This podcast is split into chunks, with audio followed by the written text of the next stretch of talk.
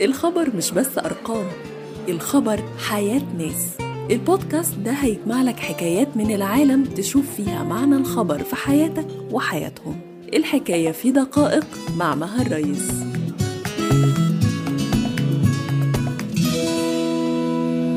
بودكاست دقائق.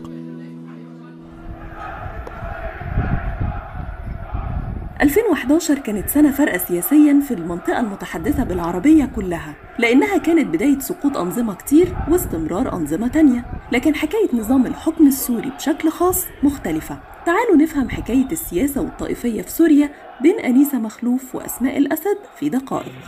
العالم عم تحكي عن البداية كانت سنة 1957 لما ضابط شاب من اللاذقية اسمه حافظ الأسد اتجوز بنت من الساحل اسمها أنيسة مخلوف.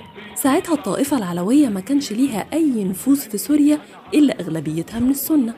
لكن ثراء عيلة مخلوف كان مناسب جدا لطموح الأسد في إنه يشكل تحالف قوي.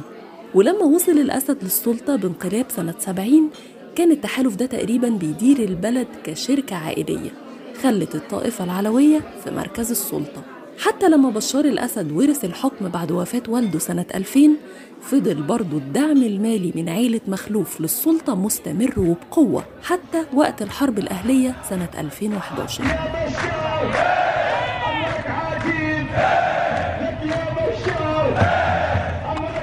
أصلا عشيرة مخلوف أكبر من عيلة الأسد ورامي مخلوف ابن خال بشار كان من أقوى رجال الأعمال فيها.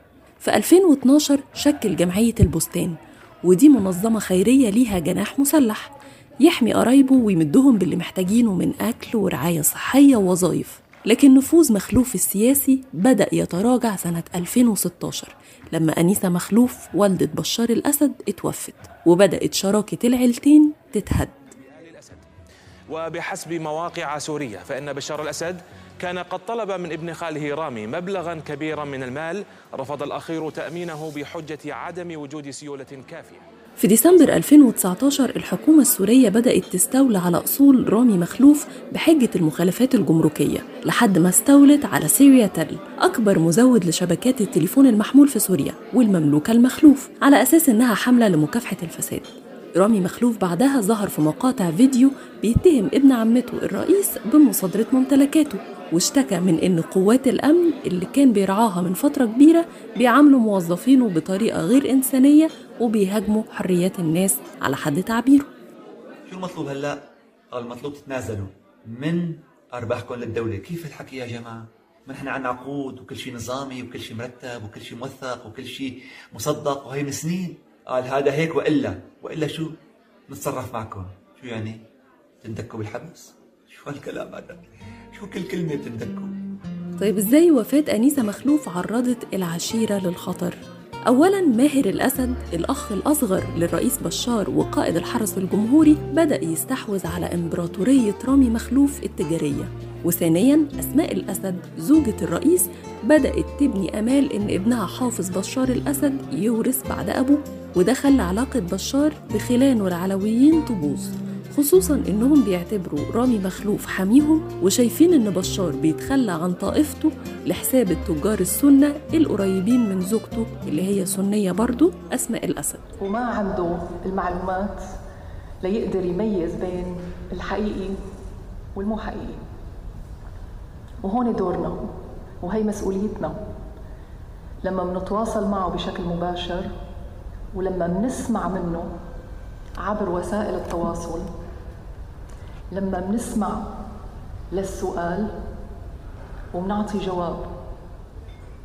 لما قوة ونفوذ عيلة مخلوف وصلت أبعد من نظام الأسد بكتير ورامي مخلوف بيعتبر من أهم الأسماء على قائمة أصدقاء إيران في سوريا.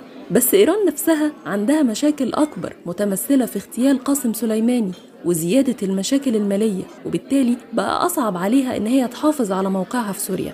في وقت ما إسرائيل كمان بتزود ضرباتها الجوية ضد القواعد الإيرانية فما بقتش مركزة قوي. وده خلى روسيا اللي برضه بتدعم الأسد مبسوطة برحيل إيران عشان تستفيد من عقود إعادة الإعمار في سوريا لوحدها من غير الشركات الإيرانية. وسهلت على إسرائيل وصول صواريخها لضرب المواقع الإيرانية في سوريا.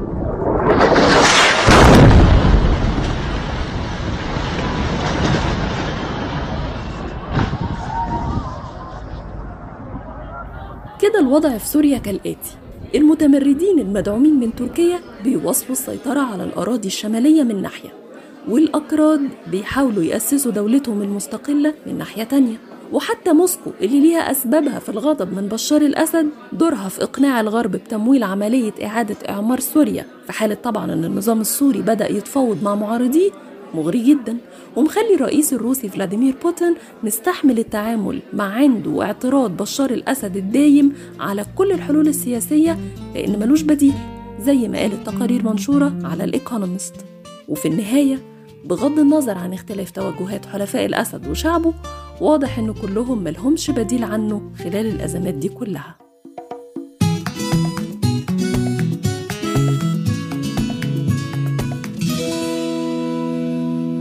بودكاست دقائق.